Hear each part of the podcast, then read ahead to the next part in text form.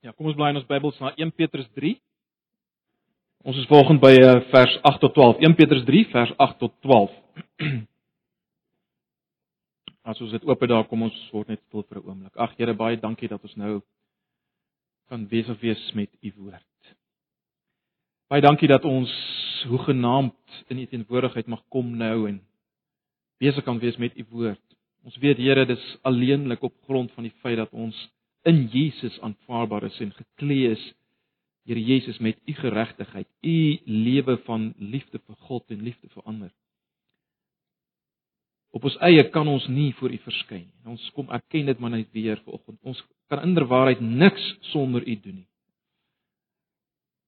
Ons kom nou ook met groot afhanklik afhanklikheid na u. U moet ons help om hierdie gedeelte te verstaan.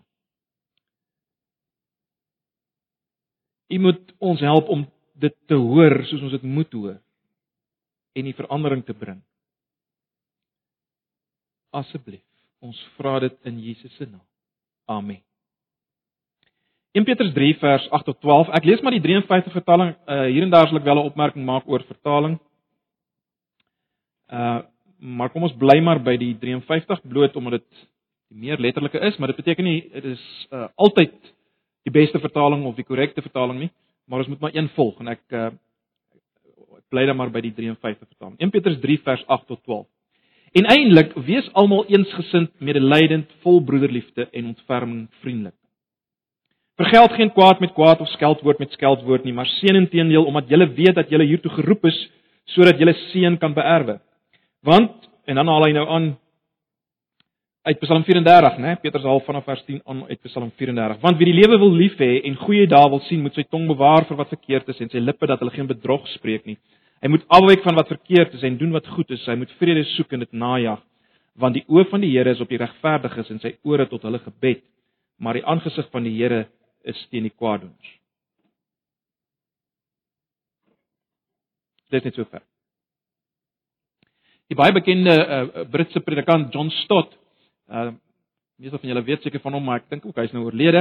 Hy het op 'n stadium die volgende opmerking gemaak uh oor die kerk en ek lees dit vir julle. Hy sê the problem we experience whenever we think about the church concerns the tension between the ideal and the reality. The ideal is beautiful. The church is a chosen and beloved people of God. Dis al die goed wat ons in Petrus gesien het loops. The church is the chosen and beloved people of God, his own special treasure the covenant community to whom he has committed himself forever. Engage in continuous worship of God and in compassionate outreach to the world. A haven of love and peace and pilgrim people headed for the eternal city. Nou dis alles wat ons in Petrus gesien het, né? Maar dan gaan stot aan en hy sê, "But in reality we who claim to be the church are often a motley rabble of rather scruffy individuals half educated and half saved, uninspired in our worship, constantly bickering with each other, concerned more with our maintenance than our mission, struggling and stumbling along the road, need, needing constant, constant rebuke and exhortation. Nou 'n mens kan verskil met stot, maar ek dink tog hy hy hy het iets van die waarheid weet. Daai spanning tussen die ideaal van wat die kerk is en wat ons weet hy is en die realiteit van wat ons dikwels sien uh, in ons eie midde en en en ook in die breër kerk. En dit is natuurlik tragies want dit is tog in die kerk wat God wil hê die wêreld moet sien wat God wil vir mense in al die verhoudinge waarin hulle staan. Dis in die kerk waar die wêreld dit moet sien. En daarom is dit tragies dat uh dit wat stot hier sê tot 'n groot mate waar is in die Sondag wat verby is, sal julle onthou het ons gekyk hoe Christene moet leef onder die owerhede. Hoe slawe of dan diensknegte moet optree onder die baase onder wie hulle staan en ons gekyk na hoe mans en vrouens binne die huwelik moet optree. Nou dis baie maklik om nadat ons dit nou gedoen het omdat dit daar eintlik in 'n sekere sin gaan byvoorbeeld soos in die huwelik en ook die dienskneg ehm um, baas situasie gaan dit oor individue. Dit is baie maklik dat ons nou weer kan verval in in in die gedagte dat Ons is maar net klomp los individue. Ons het elkeen maar net ons eie stryd in in hierdie verhoudinge. En dit is gevaarlik. Ons moet probeer om weg te kom van hierdie absolute individualisme waarmee ons besig is uh, of of uh, waar ons so dikwels verval. Maar maar ons sukkel nie waar nie. Uh daar's so 'n liedjie, ek dink Simon en Garfunkel wat dit op 'n stadium gesing het wat gesê het I'm a rock, I'm an island, a rock never cries and an island feels no pain. Hierdie individualisme van ons tyd word baie mooi in daai lied vasgevang. Die realiteit is natuurlik mense skree vir gemeenskap, nie waar nie? 'n Gemeenskap wat gedryf word deur deur goddelike die goddelike geskape behoefte aan liefde. Mense mense het 'n behoefte daaraan aan hierdie liefde wat binne 'n gemeenskap beleef word. En weer eens, dit is wat die kerk in haar wese is en moet wees. Onthou julle 2 Petrus 1 vers 9 en 10. Wat Petrus sê vir die kerk, hulle is die heilige volk van God, die uitverkore priesterdom om te verkondig hulle as geheel saam die deugde van God. Hulle moet die Here kom wys, soos die volk Israel God moes wys vir die wêreld in alles wat hulle saam gedoen het. Ons weet natuurlik ook Jesus het gekom om God te wys. En nou weet ons, ons het al baie daaroor gepraat en ons sien dit in Petrus ook. Ek dink aan 1 Petrus 2 vers 21 tot 25 waar wat Petrus sê, volg die voorbeeld van Jesus na. Volg sy voetstappe. Ons moet gesamentlik, let wel ek ek gebruik die woord gesamentlik. Gesamentlik moet ons word dit wat Jesus was. Jesus het natuurlik die rol van die volk Israel oorgeneem. Dit wat Israel moes wees, was hulle nie. Hulle het misluk en Jesus kom doen dit. En nou moet die kerk soos Jesus wees of dan ook soos die volk uh, moes wees, moet hulle wees. Hulle moet iets kom wys van wie God is vir die wêreld. Ons moet soos Jesus as die liggaam van Christus let wel in hierdie wêreld wees. Nou, wat het dit alles te maak met die gedeelte wat ons gelees het?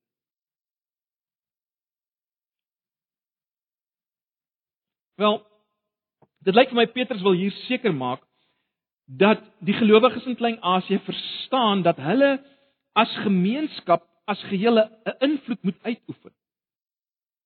En daarom begin hy om te wys op op sekere gedrag wat hulle onder mekaar moet handhaaf wat weer sal veroorsaak dat, dat hulle na buite 'n invloed kan hê.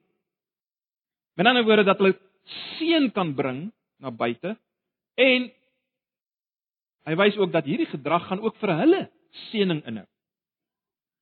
Sy praat van twee forme van seëning en ek dink as ons hierdie twee forme van seëning, die seën wat moet gegee word en die seën wat gaan ontvang, as ons dit uh verstaan en vat dan dan dan help dit om hierdie gaping tussen ideaal en realiteit waarmee ons sit in die kerk.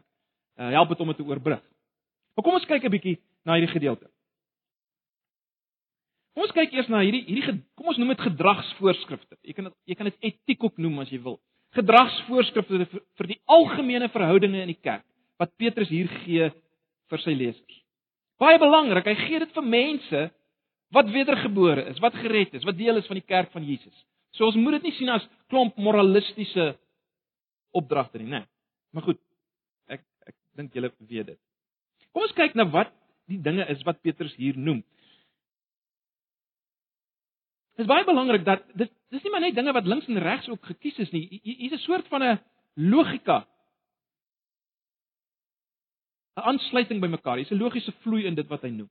Die eerste ding wat hy noem is dat Christene moet eensgesind wees. Die Engelse vertaling praat van having the same mind. Nou die ou Griekse en Romeinse filosowe in Petrus se dag, hulle het ook gepraat oor die belangrikheid van eensgesindheid as jy harmonie wil hê in die huis en in die staat. Maar maar die eensgesindheid waarvan Petrus praat het natuurlik 'n ander diepte dimensie. En dit is belangrik om dit te onthou. Ons moet onthou dieselfde Petrus wat hier skryf, is die een wat vir Jesus verbied het om oor sy kruis te praat in Matteus 16 vers 23. En jy sal onthou Jesus by daai geleentheid bestraf vir Petrus en hy sê vir Petrus jy bedink nie die dinge van God nie, maar van mense.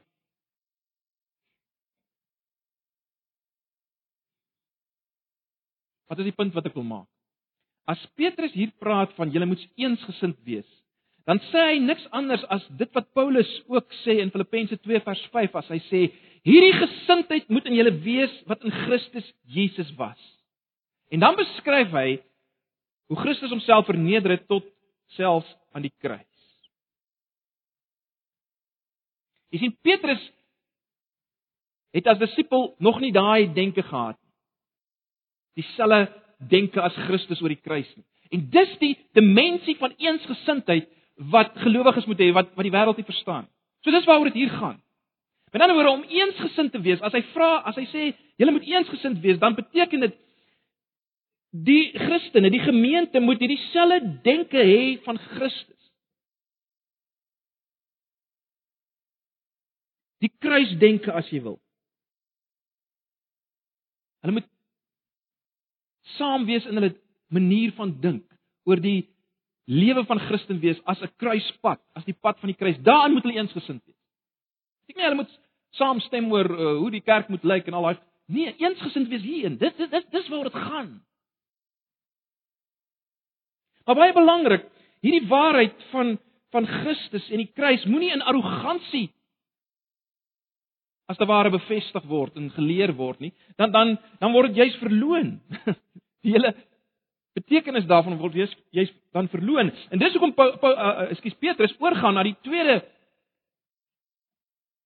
saak wat hy aanspreek, naamlik medelee of simpatie. Hy begin met met wees almal eensgesind en dan sê hy wees medelydend, medelydend. En dis weer eens, dit was die kenmerk van Jesus. Onthou wat ek gesê het, ons gesamentlik moet wees dit wat Jesus was en as jy dit onthou dan dan dan dan dan het jy dit. Jesus as hoofpriester was medelydend met ons swakheid, sê Hebreërs. In Hoofstuk 3 vers 7 het Petrus gepraat van die verstaan wat mans vir hulle vrouens moet hê. Simpatie, medelee. Dit beteken 'n gereedheid om bly te wees met die wat bly is en te huil saam met die wat huil. Dis wat medelee is. Paulus wat die die beeld gebruik van uh, die liggaam van Christus. Hy stel dit baie mooi. Hy sê as een lid ly, dan ly almal saam. Dis die tipe medelee wat daar moet wees. Jy sien in die, in die liggaam van Jesus soek ons nie net die ander een se voordeel nie. Ons gaan as te ware in die ander een se nood en belange in. Ons begin identifiseer daarmee. Dis medelee. Petrus kon waarskynlik terugdink aan die geleentheid toe hy nie medelee gehad het met Jesus vir Jesus se kruisiging.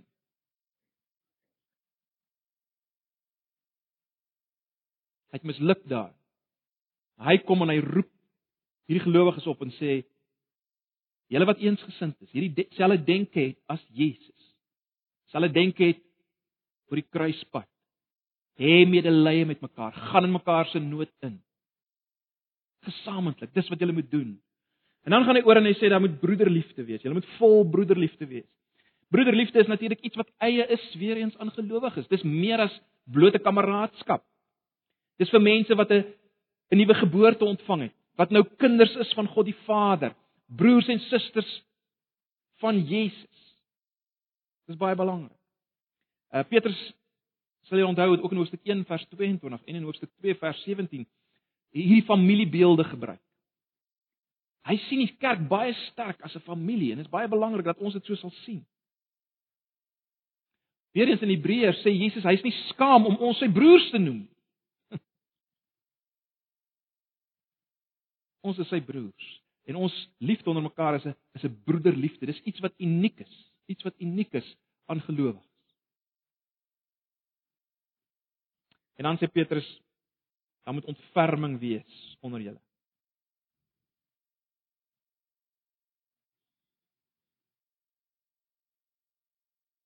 En dis natuurlik wat ons ontvang het van Christus, ontferming.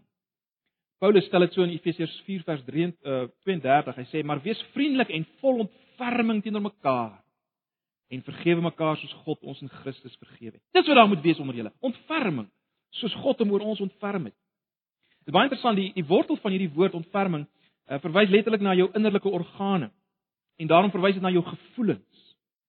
Uh die die Grieke het die innerlike organe van die mens met moed in verband gebring. En en ons ken die Engelse uitdrukking jy moet guts hê. Dis waar dit vandaan kom, né? Nee, jy moet guts hê. Maar baie interessant, in die Bybel word die innerlike organe verbind met omgee, ontferming. En dis waaroor dit hier gaan. Hulle moet ontferming hê. Jesus het ontferming gehad vir die skare. Weereens onthou, ons is, moet gesamentlik al meer wees wat Jesus was. Ons lees Matteus 9 vers 36 toe hy die skare sien, het hy innig jammer vir hulle gevoel. Dis daai ontferming. Daai innerlike ontferm in sy binneste.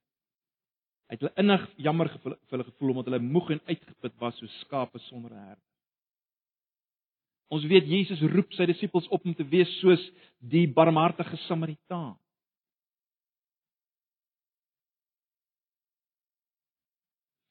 Die hele brief van 1 Petrus is vol van die ontferming wat ons ontvang het van Christus, né? Nee. En daar is dit net logies dat ons hierdie ontferming onder mekaar moet hê. Uh, jy sien hierdie hierdie liefde onder Christene is nie is nie selfgerigte wettiese liefde wat wil punte aanteken in die hemel nie.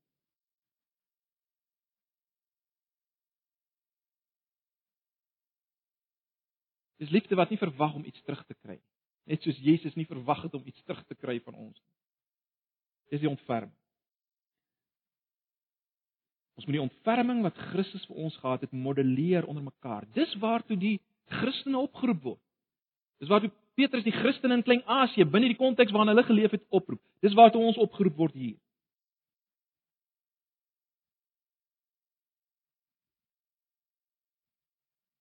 Die Heilige Gees wat in ons harte uitgestort is, soos Paulus dit stel in Romeine, beweeg ons tot ontferming. Die laaste ding wat Petrus noem is uh die 53 vertaling praat van vriendelik. Nou uh die beter manuskripte het het 'n ander woord hier wat wat meer dui op nederigdenkendheid of nederigesindheid. Uh, Julle sal sien die meeste Engelse vertalings praat van humble minded. Humble minded. So ek dink dis dis meer die die woord wat ons hier moet raak sien. Hierdie woord word gebruik vir iemand wat nie voorgee in sy gedrag nie, né? Uh iemand wat praat met sagte woorde. Dis wat Jesus weer eens dis die woord, baie interessant, die woord wat hier gebruik word uh in die in in in die Grieks in die beter manuskripte is die woord wat Jesus vir homself gebruik in Matteus 11 vers 29 as hy sê: "Neem my juk op julle en leer van my, want ek is sagmoedig en en dan is die woord nederig van hart." Dis die woord. Dis die woord wat hy gebruik. Stap hy vir hom, nederig van hart en julle sal rus vind vir julle siele. Petrus het nederigheid natuurlik op die harde manier geleer, né, nee, toe hy uh Jesus verloon het, is sy groot praat ontbloot en verpletter al sy hoogmoed. Maar maar die nederigheid waarvan hy praat gaan gaan gaan oor meer. Uh Weerens dis wat ons sien by Jesus. Daai vrye vernedering wat Jesus deurgegaan het, nie net deur die handdoek op te neem en die voete van die disippels te was nie, maar ook uiteindelik uh om die kruis op te neem. Nederige gesindheid. Hierdie nederigheid word bespot deur die wêreld, maar dis wat uiteindelik beloon gaan word.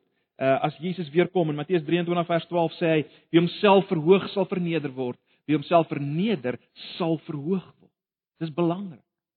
Hierdie hierdie nederige gesindheid is belangrik.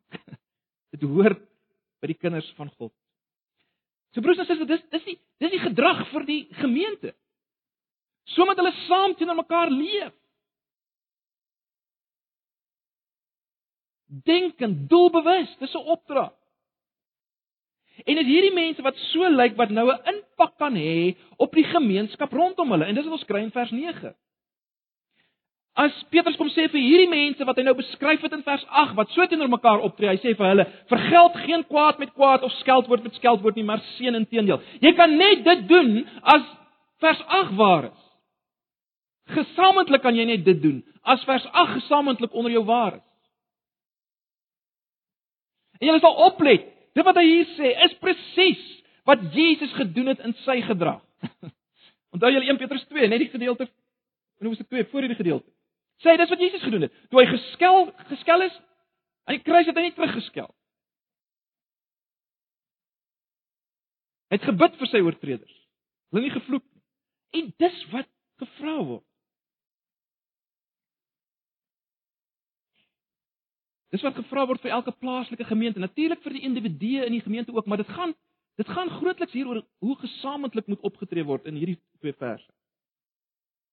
Petrus sê dis hoe hoekom moet julle so optree? Hy sê dis waartoe julle geroep is. Jy weet waartoe is jy as gemeente geroep? Wel dit. Om te seën, om nie kwaad met kwaad of skeldwoord met skeldwoord te vergeld nie, maar om te seën. Dis waartoe jy geroep is, sê Petrus. Dis julle roeping in hierdie wêreld. Dis julle roeping in hierdie wêreld.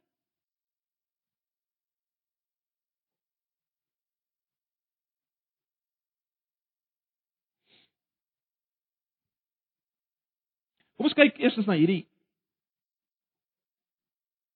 hierdie seën waarvan hy praat, die eerste seën in hierdie gedeelte waarvan hy praat. Wat sou dit beteken om om as hy sê seën inteendeel. Wat beteken dit? Wel, dit, dit is nogal moeilike moeilik om te weet presies wat daarmee bedoel word.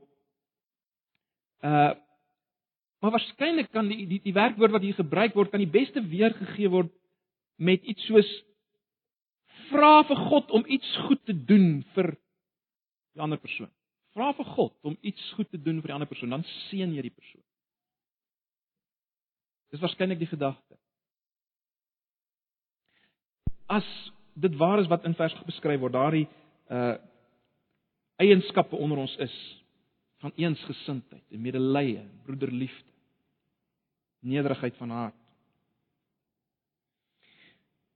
En nou kom Petrus en in vers 10 tot 12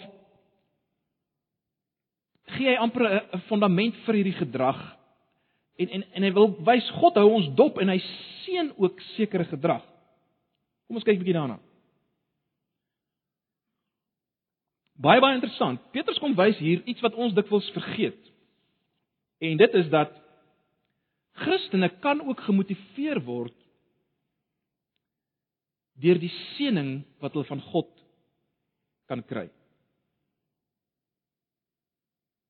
Kyk nou, ons het nou na die eerste deel van vers 9 gekyk. Kyk nou die tweede deel van vers 9.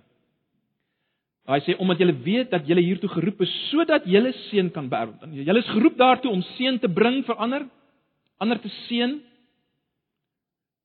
Baie interessant, omdat julle weet, uh, ekskuus, sodat julle seën kan bær. Nou natuurlik, natuurlik, ons weet dat 'n Christene in die eerste plek is alreeds in Jesus geseën. Dis hoe die Nuwe Testament daarvan praat. Ons is nie meer onder die vloek van God nie die vloek van mense wat die verbond verbreek nie. Ons is onder die seën. Maar dit lyk vir my daar is ook iets soos God se seën hier en nou en natuurlik dan ook eendag. Om dit anders te stel. God beloon ons lewens. Jy sien ons moenie dink die die boodskap van regverdigmaking deur geloof alleen beteken God beloon nie meer lewens nie. Ja, ons word nie gered nie, hoegenaamd nie. Moenie ons weet dit. Ons word nie snars gered op grond van wat ons doen nie. Dank God daarvoor. Ons word gered op grond van wat Jesus in ons plek gedoen het. Dis ons enigste hoop, ons enigste vastigheid. Maar wat ons doen, maak saak. God seën dit of hy seën dit nie. Dis die boodskap van die Bybel. En Petrus om dit te kom wys, haal hy hier uit die Ou Testament aan om die verhouding van iemand se lewe en God se beoordeling daarvan aan te dui. Nou hy praat hier die die, die Ou Testamentiese gedeelte praat hier met 'n met 'n individu, maar dit is baie belangrik dat ons nou nie weer in individualisme hier sal verval nie. Jy sien waaroor gaan dit hier? Die punt is dit. Jy as individu moet sekere dinge doen sodat jy gesamentlik dit kan doen wat in vers 8 is. Eensgesind kan wees saam met jou broeders. Broederliefde kan hê, medelee kan hê. Om dit te kan doen, moet jy as individu sekere dinge doen en dis wat hier beskryf word, né? Nee, dis wat hier beskryf. En die loon word in verband daarmee gebring.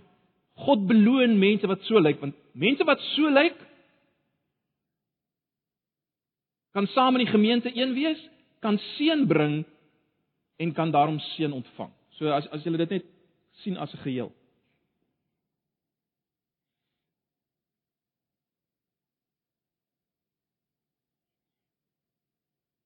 Wat behels hierdie seën presies? Hoe moet ons die seën sien? Wel, waarskynlik word dit in vers 10 beskryf want wie die lewe wil lief hê en goeie dae wil sien. Dis iets van die seën. Maar wat beteken dit? Dis van die seën wat ons nou al hier en nou kry. Goeie dae, die sien van goeie dae. Maar wat beteken goeie dae? Is goeie dae hier dit wat ons sien in die bieradvertensies? Ouens wat lekker om 'n braaivleisvuur kuier en die son sak agter oor die water. Goeie dae. Is dit waarvan hy praat? Wel nee. Psalm 34 beskryf wat hierdie seëning is. En vers 12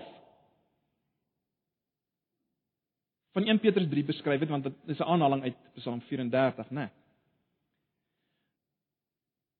En as ons daarna kyk na vers 12 en na Psalm 34, dan is dit baie duidelik dat seëning is om die oë van die Here op jou te hê en sy ore tot jou hulp geroep. Dis wat geseënd hier en nou beteken. Dis die goeie dae. Dis goeie dae. Dis goeie dae as God se oë op jou is en sy ore tot jou hulp geroep. Letterlik in Psalm 34 sê sy ore is tot jou gehuil. As sy ore tot jou gehuil is. Want jy sien seën vir die Christen kan nie beteken rimp 'n rimpelose lewe nie, want dit is presies wat Christene nie beleef het nie. Dis presies wat Christene in 1 Petrus nie beleef het nie. Ek meen hulle was onder Nero. Hulle was op pad om aan die brand gesteek te word en aan aan palle.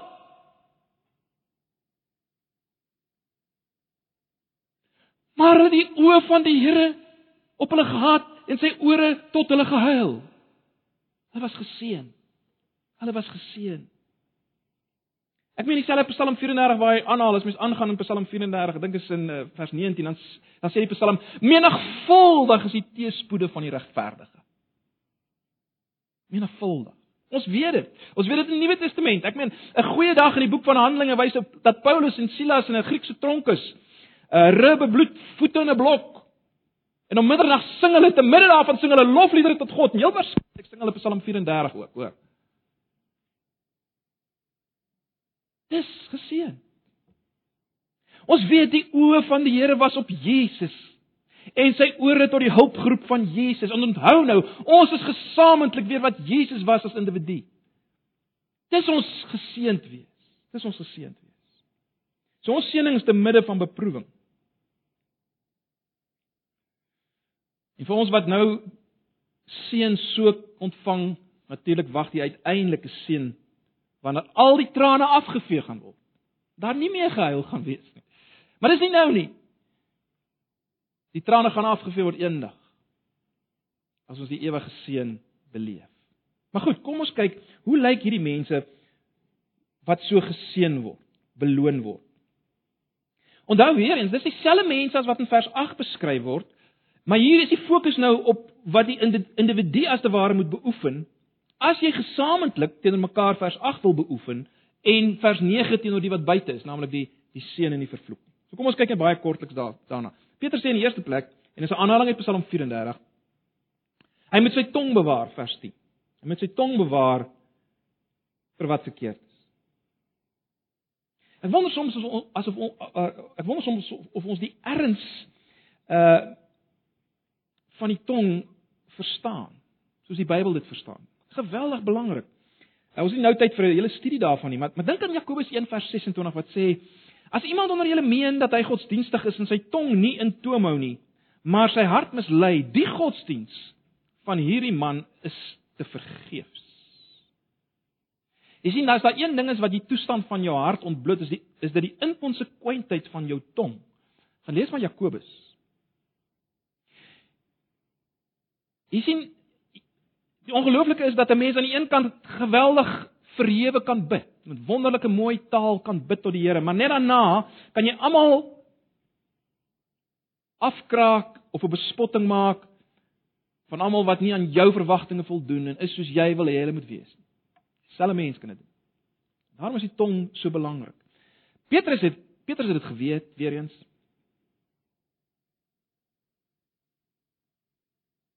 Hy het geweet wat sy tong gedoen het. Hy het geweet wat sy tong gedoen het.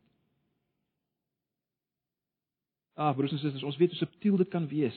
Ons gebruik baie keer juis ons mooi heuning gesmeerde woorde as die boog om ons pile van sarkasme en kritiek af te skiet, nie waar nie? Wel, Petrus sê jy moet jou tong bewaar vir wat verkeerd is. As jy die seën van die Here hier en nou wil hê. Dis wat hy sê. Baie vinnig wyk af van wat verkeerd is. Dan moet 'n afwyk wees van wat verkeerd is. Jy kan nie maar leef met ag ek is nou gered. Ek is veilig. Geregverdig deur die geloof. Ek staan in Jesus. Ek hoef nie meer af te wyk van wat kwaad is nie. Jy moet afwyk van wat kwaad is. Dis wat hier staan. Dis belangrik. Al daai twyfelagtige dinge wat jy nie seker is oor nie, wyk af daarvan. Dinge wat nie gaan oor liefde vir God en liefde vir mense nie. Wyk af van wat verkeerd is. Doen wat goed is. Moenie net dink daaroor nie, doen dit. Ag, ons kan baie hieroor uitbrei wat wat dit beteken, maar ek dink julle julle kry dit. Doen dit wat jy weet wat goed is. En dan soek vrede en jaag dit na, baie interessant. Vrede soek en najag, die einde van vers 11. Moenie net die die vrede bewaar nie. Kyk, dis hoe die wêreld as hulle praat van vrede, dis eintlik maar 'n bewaar van vrede of 'n oomblik van stilte waar jy weer herlaai vir die volgende geveg.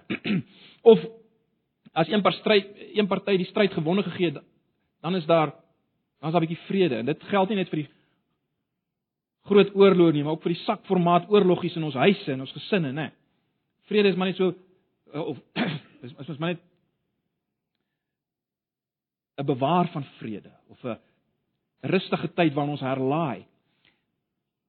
As Petrus hier praat van julle moet die vrede soek en dit najag, beteken dit wees vredemakers. Ek meen Jesus sê in in in in die bergrede, dis die een kenmerk van die mense van die koninkryk.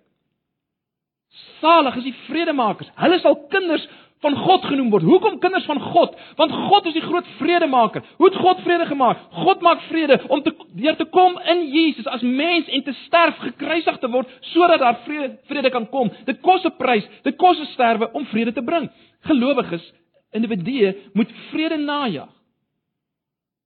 Jy sien, jy sien hoe hierdie goed aan mekaar gekoppel is. Jy sal nooit eensgesind kan wees. En medelee kan hê teenoor jou broers en susters sodat julle same invloed kan hê. As jy nie gewillig is om 'n vredemaker as individu te wees nie, om die kruispunt te stap nie, om maar te sterwe aan jou eie mening en idee om vrede te bewerk. Dis dis hoe die goed in mekaar is. Dis wat Petrus sê.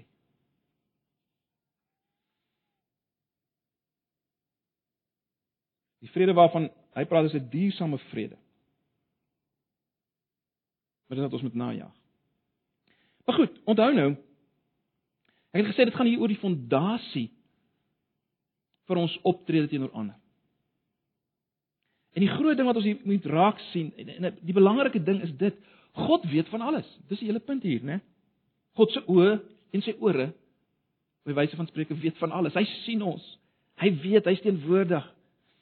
Hy hoor ons gebed. Hy bewaar ons, hy beskerm ons, hy hoor ons gehuil. En die blote feit van God se alomteenwoordigheid en sy alwetendheid van waarmee ons besig is, dit behoort die fondasie te wees. Dit behoort ons te dryf tot die doen van vers 8, die doen van vers 9 en die doen van dit wat ons hier kry in vers 11. Vers 12 moet ons beweeg daartoe. Vers 12 moet ons beweeg daartoe. Petrus sluit af om te sê terselfdertyd soos die oë van die Here op ons gerig is, is die oë van die Here gerig teen die wat boos is. Wat Petrus hier sê, sluit natuurlik aan by 1 Petrus 2 vers 12 wat wat Petrus sê: "Hou julle lewenswandel onder die heidene skoon, sodat as hulle van julle kwaad spreek soos van kwaadoeners, hulle op grond van die goeie werke wat hulle aanskou, God kan verheerlik in die dag van besoeking. Daar kom 'n dag van besoeking, daar kom 'n eindoordeel wanneer alles nie gelyk gestel gaan word. Want God weet van alles. Dit maak saak hoe jy leef. Ag broers en susters. Dis wat Petrus hier sê. Die vraag wat ons self moet afvra is as gemeente vanoggend is dit: kom die kom die ideaal en die realiteit van wat ons is as gemeente, as kinders van die Here, kom dit in antipas by mekaar? Dis dis die vraag wat ons onsself moet afvra. Ek hoop ons sien weer vanoggend dat hierdie goed gebeur nie outomaties nie. Kyk, daar's 'n siening van jy moet net laat ouens Christene word en dan is dit hemel op aarde. Dis nie waar nie. Anders was die Nuwe Testament onnodig. As Petrus hierdie goed geskryf het, nie wat dit gebeur van selfsprekend. Christene is sommer maar net eensgesind en medelydend en nie hulle is nie. Lyk nie vir my so nie. Dis 'n opdrag. En die vraag is, is ons gehoorsaam daaraan? sien ons dit hier in Antipas? Is ons nie so bang vir werke, bang vir moralisme dat ons nie werklik gedrag in 'n ernstige lig sien nie? Dis die vraag wat ons elkeen onsself moet afvra. Is ons mense wat seën op pad om seën te beerwe? Is dit hoe mense ons sien?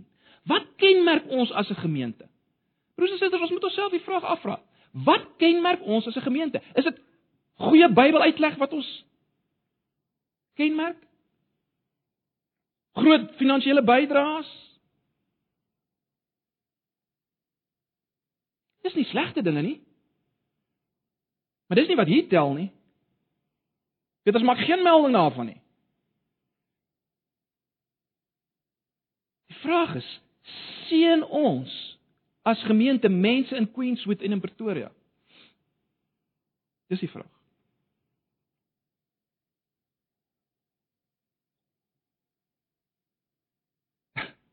Is ons die gemeenskap en julle weet dis eintlik ons visie en ons missie, maar is ons as gemeenskap soos Jesus Lyk ons soos hy, beweeg ons uit soos hy? Dis die groot vraag. Word ons gekenmerk deur dit wat ons in vers 8 sien? En baie belangrik, beleef ander mense wat hier instap dit. Nou gaan baie eerlik wees vanoggend met julle. Daar is mense en ek gaan nou maar oor wat mense met my kommunikeer. Mense wat dit so beleef.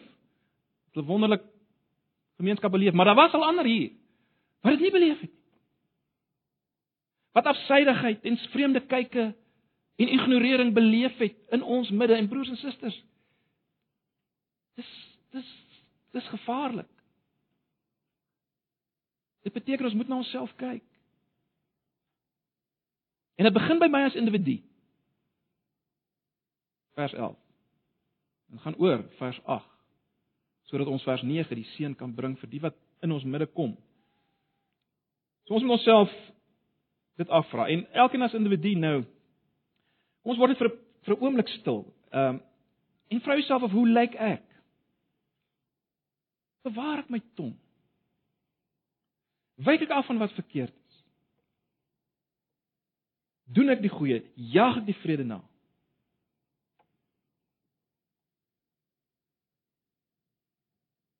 En as daar tussen my en my broeders en susters eensgesindheid, medelee, broederliefde, nederige gesindheid. Kom ons word net elkeen stil. Kom ons word vir 'n paar oomblikke stil. Vra die Here om jou jou hart te wys. Laat hy jou wys waar jy staan. Is dit nodig om te bely bely dit? Gee 'n paar oomblikke van stil gebed voor ons afsluit. Ag Here Jesus, baie dankie vir u woord. Baie dankie vir oggend dat ons kan weet dat hierdie opdragte nie die dinge wat ons moet doen sodat ons in die regte verhouding met U kan staan nie. Ons dankie dat U ons die regte verhouding met U geplaas het buite onsself. Dit wat Jesus in ons plek gedoen het. En ons kan dit net deur die geloof vat. Maar ag Here, ek wil bid dat U deur die Gees juis vir ons wat dit weet en beleef het, sal dryf tot tot dit waartoe Petrus hier oproep onder leiding van U Gees as gemeente en as individue. Ag Here, ons pleit dat U ons sal gebruik om 'n seën te bring. Dis waartoe ons geroep is. Help ons om dit te hoor. Dit is waartoe ons geroep is. En dankie vir die seën wat U vir ons wil gee. Hier en nou al. Die seën van U oë wat op ons is en U ore wat tot ons gehuil is, tot ons geroep en uiteindelik die wonderlike seën as u alle trane gaan afvee. As u weer kom. Asseblief, Here, ons vra hierdie dinge, ons bid hierdie dinge in Jesus se naam. Amen.